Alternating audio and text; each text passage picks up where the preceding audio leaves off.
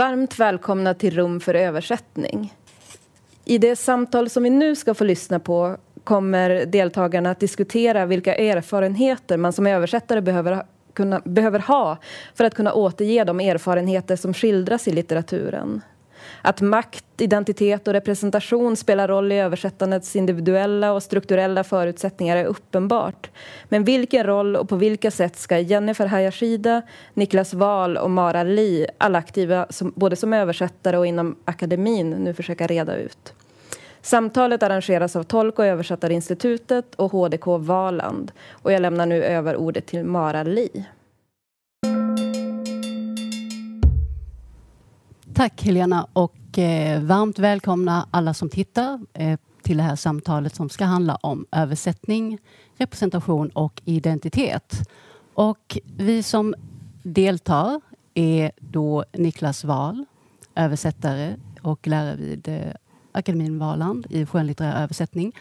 Och Jennifer Hayashida, också översättare och poet och verksam som forskare vid samma lärosäte. Um, och så jag då, eh, som är författare och har översatt lite grann. Eh, och eh, för närvarande professor vid Konstfack här i Stockholm. Eh, välkomna. Tack.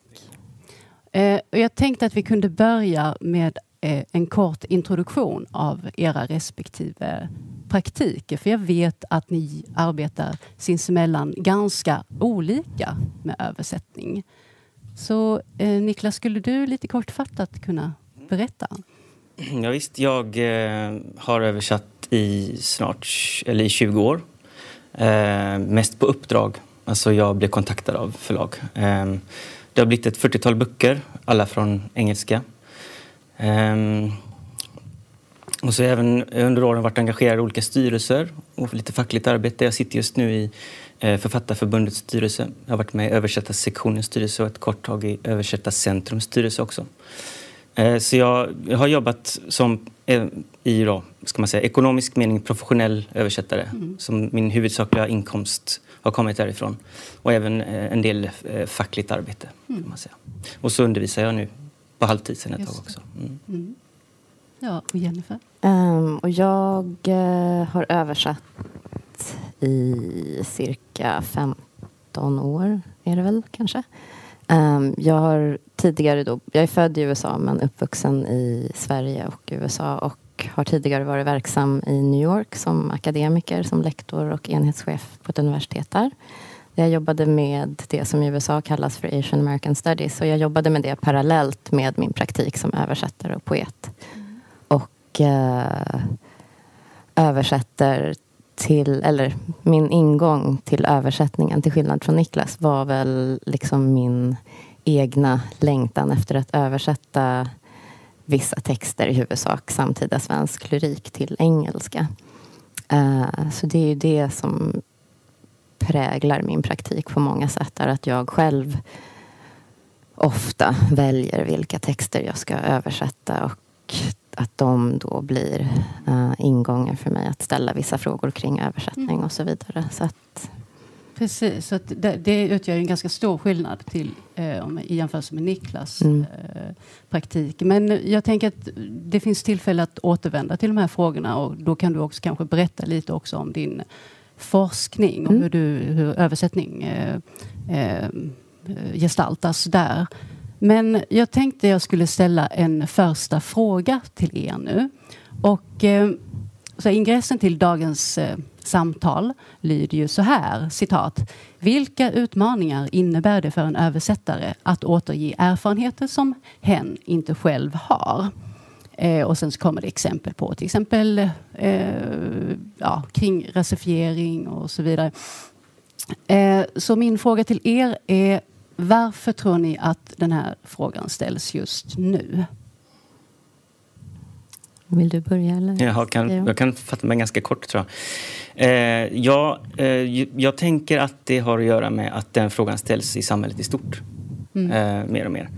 Eh, och att den inte har kunnat ställas inom översättningen eh, hittills, nästan. Därför att det inte har funnits någon palett att välja bland. Liksom. Det, den svenska översättarkåren är till att börja med lite ålderstigen och hemskt vit. Liksom. Ja. Det återspeglar inte vad ska man säga, befolkningen. Men vi kommer komma tillbaka tror jag, till det här med vad representation är. Mm. Men eh, det, det tror jag att det är en, en av anledningarna till att den har börjat ställas överallt. Mm. Ja, tack. Jennifer?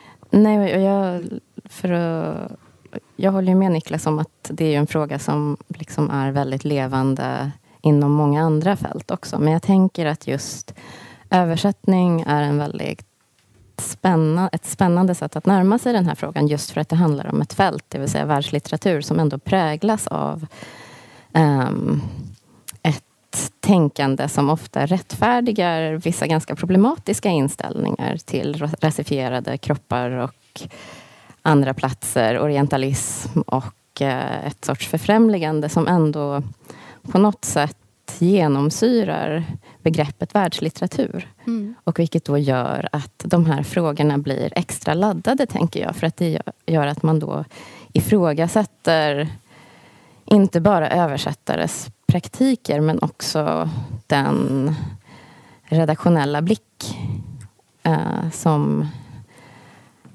som tar med sig föreställningar in i det här arbetet också.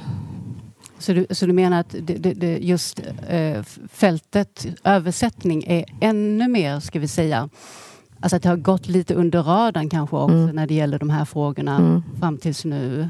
Jo, för att jag tänker att många av de här föreställningarna ehm, som är ganska koloniala liksom, Mm.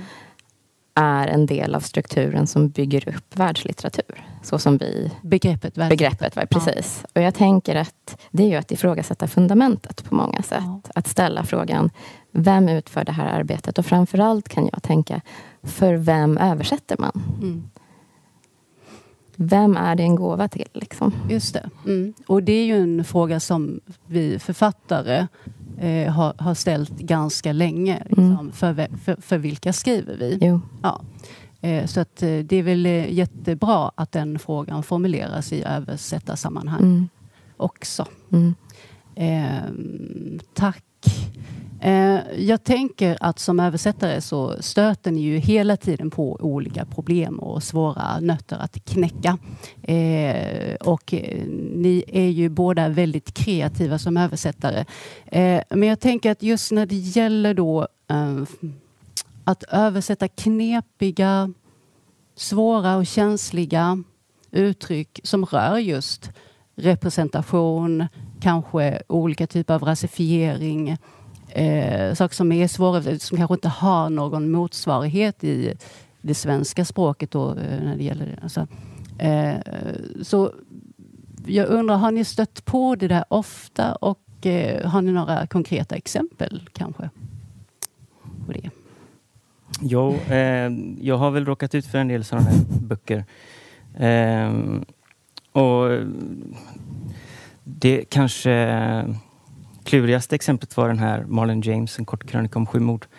Det handlar väl eh, kanske inte strikt om den typen av representation som vi började prata om, men det finns eh, jag kanske först ska säga två ord om boken också. Eh, den handlar om eh, efterdyningarna efter ett eh, mordförsök som utfördes på eh, Bob Marley 76.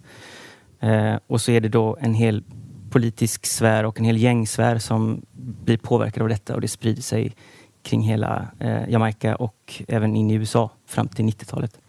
Men det som han gör, Marlon James, det är att han gestaltar de här eh, personerna genom språket. Och då har, snackar vi eh, 13 eller 15 olika jag-berättare som förekommer och alla har lite olika språk. Mm. Och alla, eh, deras språk är färgade av etnicitet. Mm. Det finns eh, amerikansk engelska, brittisk engelska, jamaicansk engelska, patois som är ett kreolspråk. Mm. Lite spanska och syrianska också. Och så ska det då eh, visa vilka de är genom hur de talar. Mm. Eh, så då fick jag liksom bygga upp ett helt system eh, för mig själv för att kunna eh, återskapa ungefär vad han håller på med. Som i sig då är en svart homosexuell man som fick fly från Jamaica. Så att, Mm. Mm. eh, det finns olika lager kan man säga där av representation i den. Ja, jag förstår. Och det, eh, det beredde ganska mycket problem. Ja, Mm. rent tekniska eller språkmässiga. Eh, det gjorde det. Jag fick liksom eh, föra separata dokument för vilka som använder eh, patois Mm. när jag liksom lät det stå kvar då, det kreolspråket. Vilka som fick stå, ha kvar jamaicanska engelska fraser som de är oöversatta. Ja. Eh, vilka som har talspråklig stavning för att markera utbildningsnivå. Mhm. Eh, och så finns det ett exempel på en, en gangster som heter Josie Wale som tror att han talar fint. Eh, så att när han tänker så har du en normal eh, amerikansk engelska till normal jamaicansk engelska. Men så fort han öppnar munnen så kommer det ut ganska grov patois grova språk. Mm. Mm. Och han har i sin tur en språklig utveckling genom boken som gör att hans talspråk närmar sig hans tänkespråk Mm. med tiden. Okej. Eh, och han är då en av 13 Mm. sådana personer som man får försöka hålla koll på. I. Det låter som ett väldigt stort eh, arbete. Ja, det var, Ja. det var omfattande. Men, Ja. Ha- Hade du kontakt med översättare från andra länder som, har, som, som jobbade med den här boken också? Nej, det hade jag inte. Och jag tror precis på sluttampen så kom den norska ut, eller om det var strax efter. Och de hade gjort helt annorlunda. Okej. De valde istället då 13 olika översättare. För, att, Jaha. för Oj. 13 olika Ja. språk. Nu har jag inte läst den, men eh, jag tror inte den höll ihop riktigt. Nej. Eh, efter vad jag har hört. Mm. Utan den föll isär. Mm. Eh, och även om det jag gjorde kanske inte når ända vägen fram så är det ju ändå samma eh, utmaning som Marlon James själv hade. Det kommer ju från ett huvud, Just alla de här språkliga nivåerna. Mm, mm. Eh, så att, det finns säkert stora förluster i den. Mm. Men jag tror att när norska... Det var ett intressant experiment men jag tror det stannade vid ett experiment. Liksom. Mm, mm. Det är ett väldigt konkret tillvägagångssätt för att liksom spegla bokens struktur. Mm. Eh, men ja, jag förstår. Ja, och jag kan ju också tycka att just det där att du tog dig an de där många olika Mm. språken, det låter i mina öron också tämligen ansvarstagande. Att, Mm. alltså att, det, det är, att ge sig i kast med det. ehm, för att försöka ändå skapa en enhetlig språkdräkt. Det, är- jag tänker att det är värt någonting. Men, ja. Ja, men alltså, eh, även om jag... Det är väl så i nästan alla översättningar. Man får acceptera viss förlust. Ja. Och, eh, förhoppningsvis kan man skjuta in lite ny energi Mm, från sig själv. Men om man accepterar att det här är en svensk bok eh, Mm. Så funkar den nog någorlunda. Mm. Det blir lite tråkigare att ställa den, att jämföra den ett till ett med originalboken. Men Mm. det blev ändå en svensk bok. Ja, det blev en svensk Mm. bok. Ja, jätteintressant. Och, eh, Jennifer, du har ju jobbat med poeter främst. Då. Mm. Mm. Har du något... något? Jag, jag har funderat på den här frågan. Ja. ehm, och dels, den blir lite knepigare för mig i och med Mm. att texterna jag jobbar med eh, ofta själva liksom ifrågasätter begreppet representation. Så jag tänkte på Vitsvit till exempel, som jag då översatte till engelska. Mm. ehm, som i sig ju Du kan ta upp och hålla upp Ja. boken kanske, för att nu tror jag att Från många känner till den. Kulturhusets bibliotek dessutom. Ehm, som ju jag tänker på som en ganska som en montagebaserad liksom kritik mot begreppet representation på många sätt. Mm. Eh, och läsarens liksom föreställningar om ett enhetligt narrativ kring migration och, och flyktingskap och förflyttning och så vidare och exil. Ehm, så jag har, jag har inga konkreta exempel ur själva texten i och med att texten i sig ifrågasätter frågan. Mm. Men det jag kan säga är att i över... Och det här har jag nämnt i andra texter, men jag vet att i själva mottagandet i USA Mm. så den läsningen var ju väldigt svår att förmedla just för att boken på många sätt eh, ja, i det amerikanska sammanhanget togs emot som en på något sätt självbiografisk text. Och jag vet att den frågan även kom upp i Sverige när, när boken kom ut. Men det var det som hände, och det här är kanske bekant för de som har läst mina tråkiga texter. Men det som hände är ju att det, det finns ju ett fel i den, svensk, i den engelska översättningen. Mm. Där ett utav de här, en av de här inledningarna, My brother says, försvann. Mm. Som vi sedan dess liksom har korrigerat i den andra upplagan. Men det gjorde ju att en kritiker i synnerhet, men andra läsare också undrade, är det där jaget talar? Mm. Eh, och den liksom längtan efter att det skulle finnas ett talande jag som var sant mm. var så intressant, för det blev liksom upplägget för hela den här recensionen. Ja, ja. Eh, och jag tänker att just mitt ansvar att bevara den här ganska tydliga signalen att det här är eh, en kritik som är riktad mot läsarens föreställningar och längtan. Jag vet inte hur väl jag förvaltade det, liksom, den kritiken i min översättning. Och Det är någonting som jag liksom har funderat över. Hur, hur väl jag liksom gestaltade Athenas frågor kring representation och narrativ och den här, det här berättarjaget. Eh, men jag tänker, det, den där, det finns väl ändå... Det vill, eh, den där ambivalensen finns ju i den svenska jo. boken. Och så tänker jag, det är ju inte... Jag föreställer mig att kanske hade faktiskt den här kritiken kommit in på samma spår ändå. Jo, absolut. Ja. Men det var just den här, det som ändå handlade om ett fel. Ja. Eh, som var liksom formellt. Mm. Och, eh, jag, jag, jag, tycker ändå att det är väldigt intressant att det blev det blev liksom portalen in i texten mm. för den personen. Och det, mm. För mig handlar det väldigt mycket om liksom vad han hade för längtan. Ja. Eh, inte för att lägga allt på honom, men den längtan som du säger cirkulerar ju i mångas läsningar av den här texten. Absolut, och jag tänker att den, men också kanske då i förhållande till översättaren. Alltså mm. det, det, det, det, väl också, det, och det är kanske dit vi ska nå i mm. det här samtalet mm. förhoppningsvis också. Var, eh, eh, för det där begäret som du säger, det rör på sig. Mm. Och det är inte bara hos kritikerna och läsarna, nej, nej. utan det är ju också hos oss som översätter. Mm. Så, så. så att, ehm, eh, då undrar jag, har ni några konkreta exempel på ställen eller översätta eller översättningsproblem som var svåra men som ni lyckades lösa på ett väldigt fiffigt eh, och smart sätt? Om ni har några så extremt konkreta exempel. Jag är så tråkig så att jag, jag vill säga den igen. Alltså, ja. hela, jag tänkte länge på den frågan och tyvärr är det väl så att man kanske minns det som man fick till sämre än ja. eh, där man brast. Mm, mm, mm. Men eh, att själva upplägget ändå funkade, det ja. kan jag känna mig... Det känns fiffigt och eh, ja. bra gjort på något sätt. Nej, jag tänker att det är någonting som Niklas och jag faktiskt har pratat om mm. på jobbet. Det är ju det här att låta saker stå kvar. Och jag mm. tänker, nu när jag och Ida Börjel översatte Solmas Sharifs Luck. Mm. Eh, och det är alltid märkligt att tala om ett samarbete utan att den andra personen är med. Men just att vi lämnade...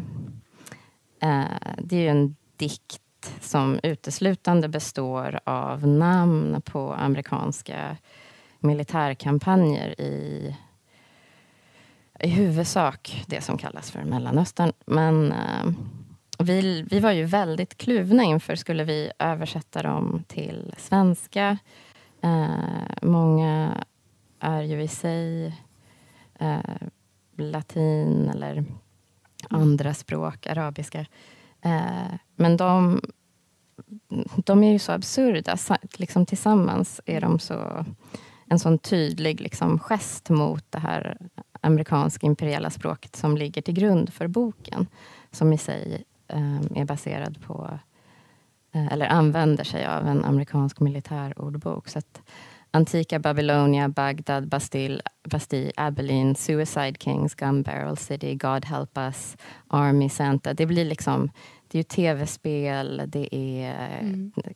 animerade serier. Dirty Harry, mm. Gold Digger, Raging Bull och Mr Rogers Neighborhood. Så att det liksom... Att låta det stå kvar.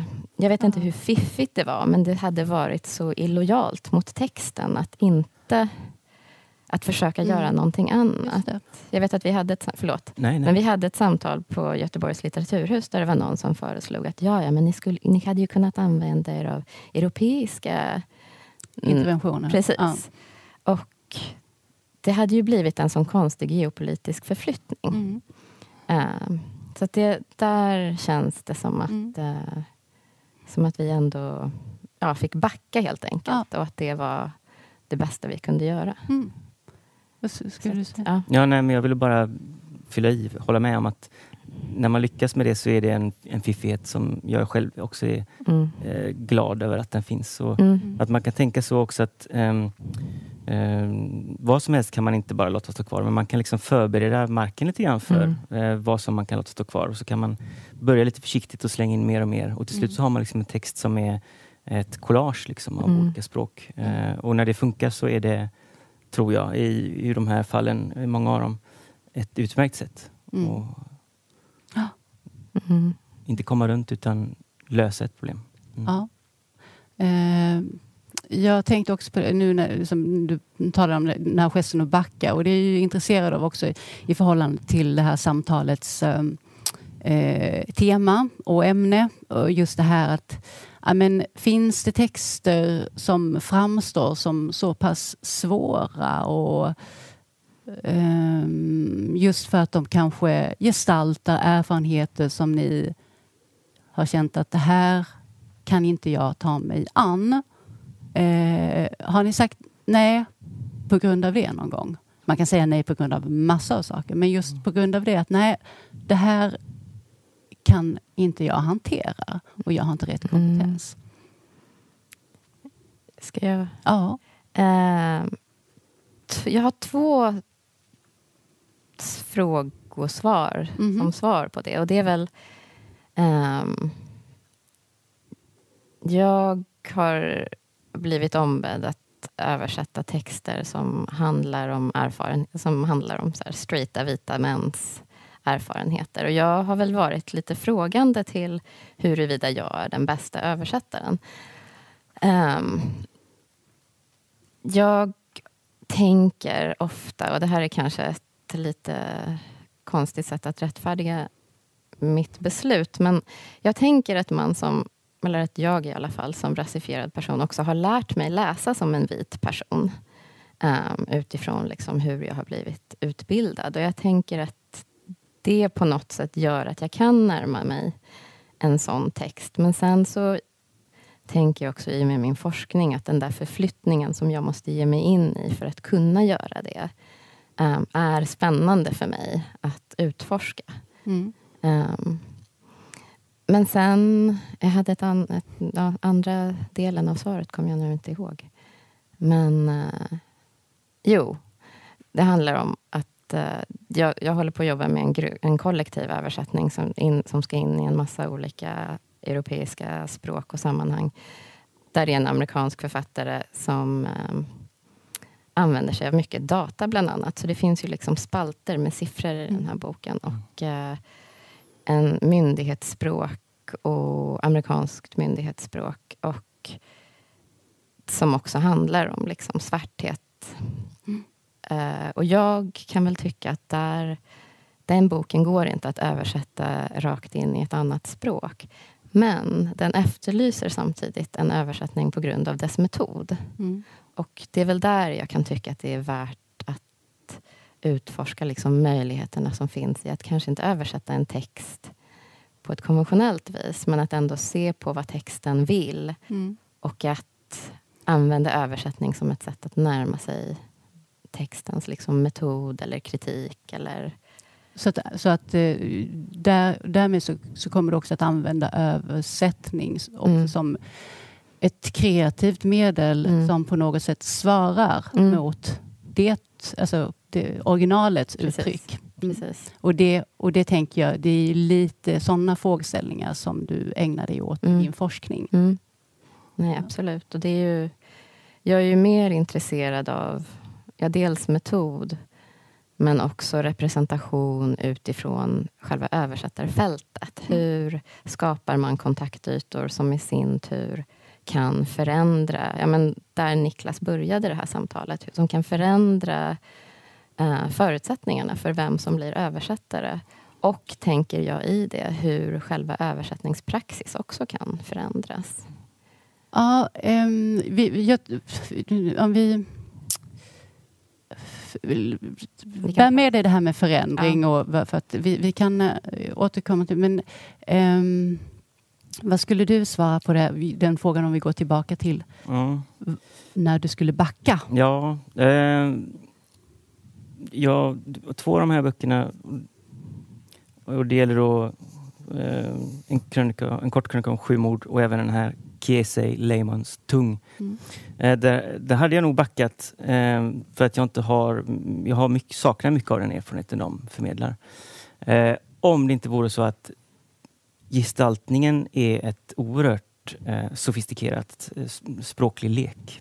Så att jag kände att där har jag en så pass en sån kompetens att jag eh, kan göra ett bra jobb där och så resten får jag ta reda på liksom, eller försöka mm. leva mig in i. Um, däremot så tänker jag mig att eh, jag börjar bli så pass gammal nu att 45 år, om det kommer en 18-årig en 18-årig stjärnskott mm. som skriver på ett eh, oerhört eh, ungt språk mm. som ska eh, nå en lika ung publik i Sverige. Det hade jag inte vågat. Jag tror inte jag kan liksom forska mig till det språket. Mm. Jag är rädd att det hade kantrat och blivit dåligt bara. Mm. Mm. Och likadant så tror jag att om jag skulle få en starkt politisk text eh, som talar om någonting som är motbjudande för mig så hade jag tackat nej med en gång. Men mm. det har liksom inte hänt ännu. Nej. Um. Um Precis, både känslomässiga och eh, som kunskapsmässiga mm. skäl kan få en att backa med andra ord. Så att, men men eh, jag bara tänker det här med, med förändring. Så att, så att du, du, du pratade i termer av nya metoder, förändringar och så vidare. Men vad är det som förändras? För, jag tänker för att de som tittar och för mig och för alla så här, vad är den, alltså det, det, det, den rådande situationen? Om går det generaliserat, så här ser man på översättning generellt sett och det måste förändras. Bara lite enkelt kortfattat så. Liksom. Vad behöver ja, alltså, jag? Tror, jag kan ju säga hur man har sett på mm. översättningen mm. generellt så kan du ta vid sen. Ja. Eh, alltså, det är ju ett ekonomiskt eh, kretslopp Ja. Eh, det är ett ekonomiskt risktagande för förläggaren. Mm. Eh, det finns en fast översättarkår som man litar på och då går man till den. Mm. Eh, dessutom så är det många som, alltså man behöver ju ha tre, fyra, fem månader ledigt. Så det är många som faller bort på grund av det. Så att det är en, en kultur där det finns en fin professionell grupp människor men det är samma personer man går till hela tiden. Okay. På grund av att det finns en ekonomisk risk här och det gäller de stora förlagen och mm. de kommersiellt intressanta titlarna och så. Inte kanske eh, poesi på samma sätt. och Så men. Mm. Så det, det är väl ena sidan av mm. det. Och du är en av dem? Jag är en av dem, ja. absolut. Mm. Ja. Ja, ja, men det är ändå viktigt att förtydliga. Ja, ja. Mm. Alltså, det, det, är ju en av de här, det är det vi pratar om, liksom, mm. hur vi är situerade i det här fältet och vad det gör med våra val. Nej, men jag, jag tänker väl din fråga handlar ju också väldigt mycket om vilket språk. Och att svenskan är ett sånt litet språk. Och jag tänker att det är en stor del av mm. liksom det som ramar in det du beskriver. Uh, jag, i och med att jag kommer från USA och liksom har varit verksam inom olika institutioner där, mm. så kan jag samtidigt säga att trots att engelskan inte är ett litet språk, mm. så finns det en liknande problematik även där. Mm. Uh, som jag själv, och jag har liksom ingen uh, samhällsvetenskaplig bakgrund eller analys, men som jag tänker handlar väldigt mycket om hur översättning, översättningsutbildningar ser ut. Mm. Uh, och här i Sverige i alla fall, så har jag ofta, och det här har ju Niklas också pratat om i och med att vi båda är på samma institution, um, hur man undervisar i översättning och var framför allt och vilka som um, lockas in i fältet och på vilka premisser. Och just det att översättningsteori, och det här har vi pratat om, är ganska bortkopplat allt ifrån översättningspraxis, um, hur översättningskritik ser ut, det är ju någonting som vi också har pratat om, men att, att det finns utrymme att till exempel, kan jag tycka, och det här är en del av min forsk mitt forskningsarbete, att att utveckla utbildningar på till exempel folkhögskolenivå som mm. handlar både om översättning som hantverk men också att man läser teori så att man kan ställa sig vissa frågor om... Och när du säger teori, vad menar du då? Ja, men jag tänker att man också då funderar över översättarens roll och uppgift ja. och läsaren och mm. de här föreställningarna som vi har pratat om. Och att man inte att man tänker på representation men att man också tänker på eh, ja, men de materiella förutsättningarna och vilka som har de rätta, ja, men som du säger, att man ska vara ledig tre till fem år, månader om året. Vem som faktiskt har möjlighet och hur klass, rasifiering och så vidare fungerar mm. um, i förhållande till uh, vem som har tillgång i stort sett till översättning som stämmer den bilden, eh, för att nu pratar du utifrån ett amerikanskt perspektiv, stämmer den bilden överens med hur,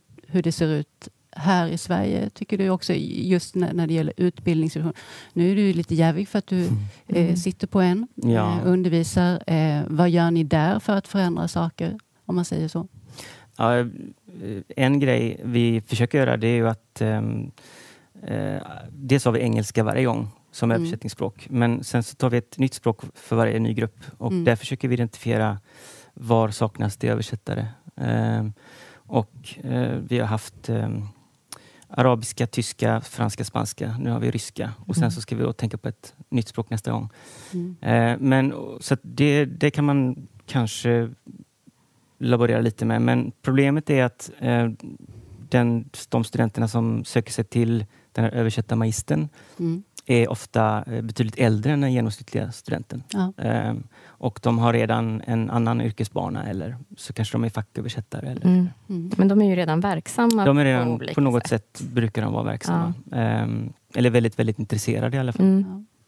Men sen har vi ju två utbildningar till eh, som man kan hoppas lite mer på, på mm. litterär gestaltning. Och det är ett mm. kandidatprogram och ett masterprogram. Mm. Eh, och där kan man nog få eh, yngre folk med eh, mycket bredare erfarenhetsbas att bli intresserad av översättning. Mm.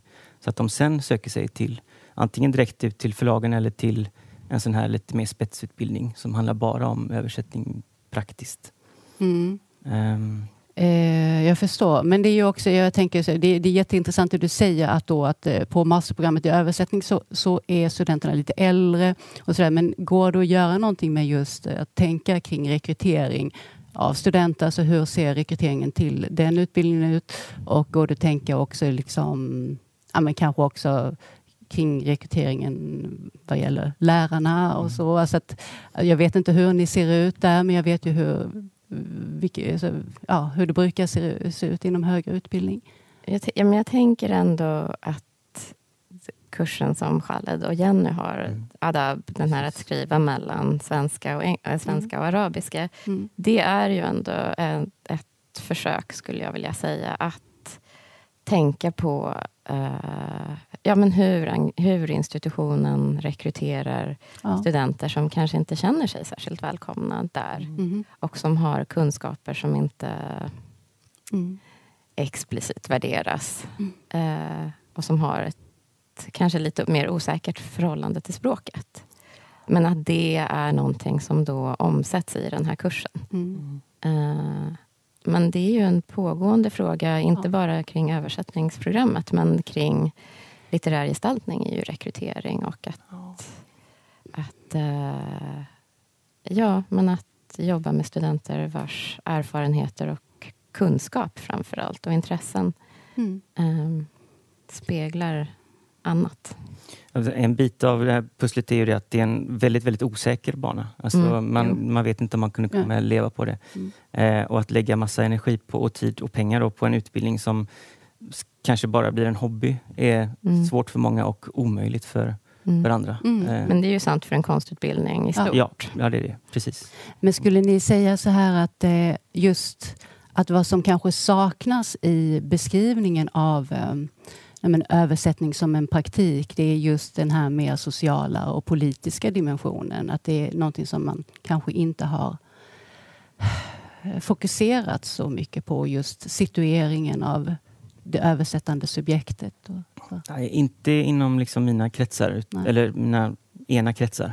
Mm. Men däremot i, eh, då, inom till exempel litterär gestaltning mm. så är ju det ett pågående samtal, absolut. Mm. Och forskning som du mm. håller på med. Det är mm. ett exempel på det. Um, men, så att, och det är just den förändringen som ni är intresserade av att se på sikt. Också. Jo, absolut. Och jag tänker att det finns så många sätt att närma sig den förändringen också. Ja. Både ja, men, genom olika typer av mer um, organisatoriskt arbete, om jag tänker på liksom, arbete som du har gjort. Men också via liksom, olika institutioner och utbildningar och så vidare. Det är ett viktigt sätt att driva på. Mm. Mm.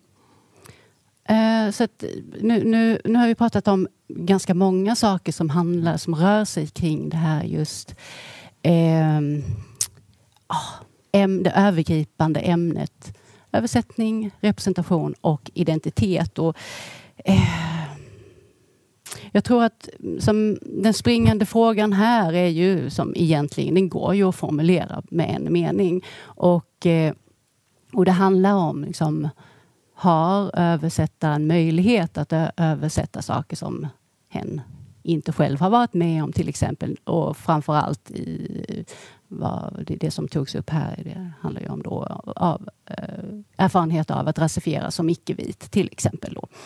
Eh, och det, det, är ju en fråga som är väldigt så här tillspetsad.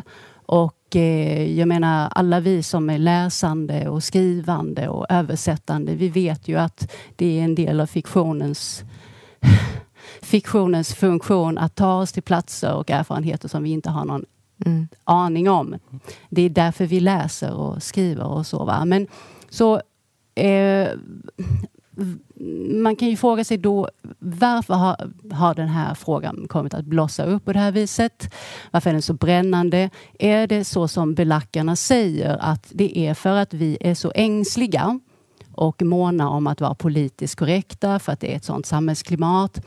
Eller är det faktiskt så att eh, erfarenheten av att vara utsatt för till exempel rasistiskt förtryck eller så är annorlunda än andra erfarenheter och att det kanske också mm, kräver någonting mer av översättaren eh, av den erfarenheten än enbart jättemycket kunskap, professionell kunskap eller ett stort intresse. Eh, jag menar så här, man kan ju säga ja, det är ju inget konstigt att man är okunnig när det gäller vissa saker. Det, det, ingår ju och sen så lär man sig under arbetet. Eh, man läser in sig på ämnet. Så Skulle inte det gå då när det gäller rasifierade uttryck, alltså, eh, uttryck av, eh, för rasifierat förtryck till exempel. Varför skiljer sig det från andra erfarenheter? Är den erfarenheten extra svår att förmedla? Det var en väldigt lång fråga, mm. men jag tyckte ändå jag det var... Den. Mm. Mm. Ja, eh, jag tror att det handlar om vilken typ av text det är. Eh, jag tror att det går att läsa sig till väldigt mycket. Eh, och är man misstänksam av sig som en översättare måste vara så är man uppmärksam på mycket. Mm.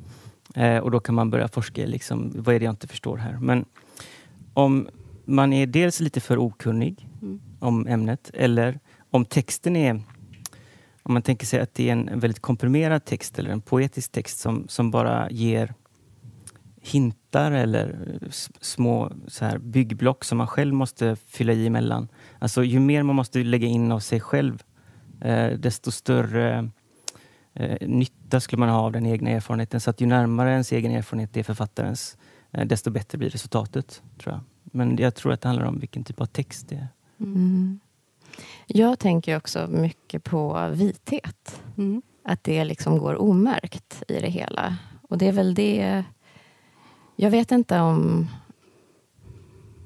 Jo, självklart så handlar ju frågan om liksom, vad är det i en skildring av en eh, rasifierad upplevelse eh, som gör att det kanske finns liksom behov av en annan typ av kunskap som är erfarenhetsbaserad.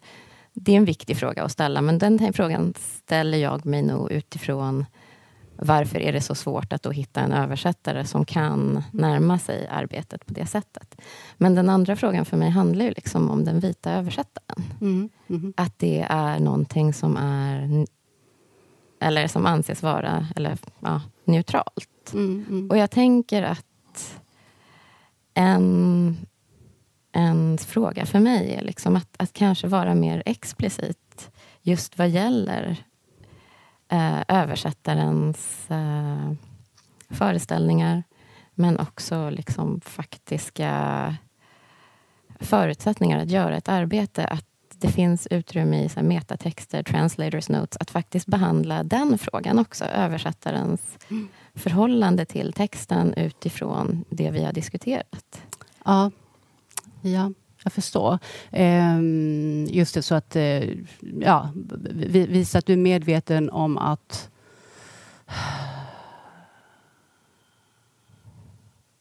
du är situerad på ett särskilt sätt i mm. världen och du konfronterar Eh, du är konfronterad med en text som eh, inte kanske speglar dina erfarenheter.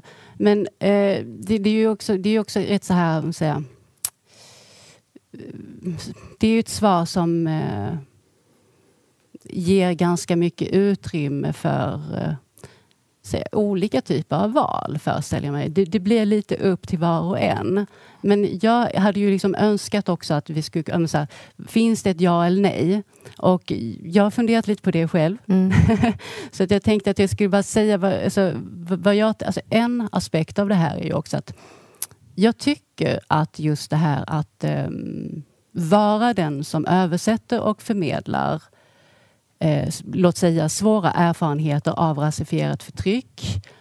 Att det är någonting som är extra besvärligt för någon som inte har dem själv. Och varför det? Jo, men det, det är väl framför allt för att det är just frågan om kunskap och okunnighet som ligger i hjärtat av alltså, rasistisk förtrycks existens. Mm. Dess blotta existens i världen. Och jag föreställer mig att det är inte så många andra erfarenheter eller um, uttryck eller vad det nu kan vara som är så speciella just mm. i den här relationen till just kunskap och icke-kunskap. Va?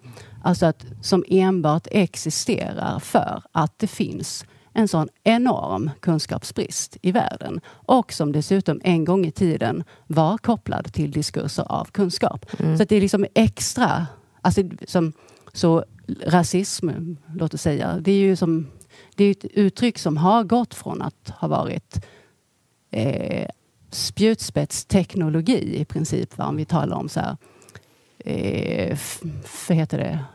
fysiologisk antropologi mm. eller vad det nu kan heta och frenologi till att ha blivit bara dumheter. Mm.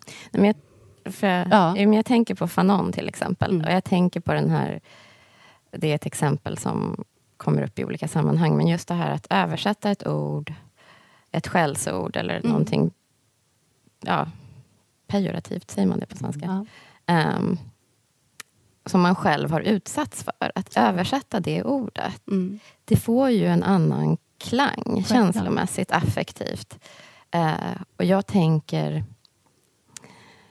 jag tänker att det är så viktigt att ha med sig den kunskapen och den Ja. Nu vill jag inte förvränga det allt för mycket, men jag tänker att det finns en kunskap att hämta i den upplevelsen av förtryck och smärta, men också styrka. Eh, som är en form av kunskap som bör värdesättas inom översättning, men som inte gör det. Mm. Mm. Och det, ja. Um, Ja, nej men vi har väldigt lite tid kvar nu. Vi har, det är fråga om sekunder. Men, mm. men eh, jag tror vi måste sätta punkt. Och eh, jag tänker att samtalet fortsätter. Det har bara börjat och jag vill tacka er så väldigt mycket Tack som var med.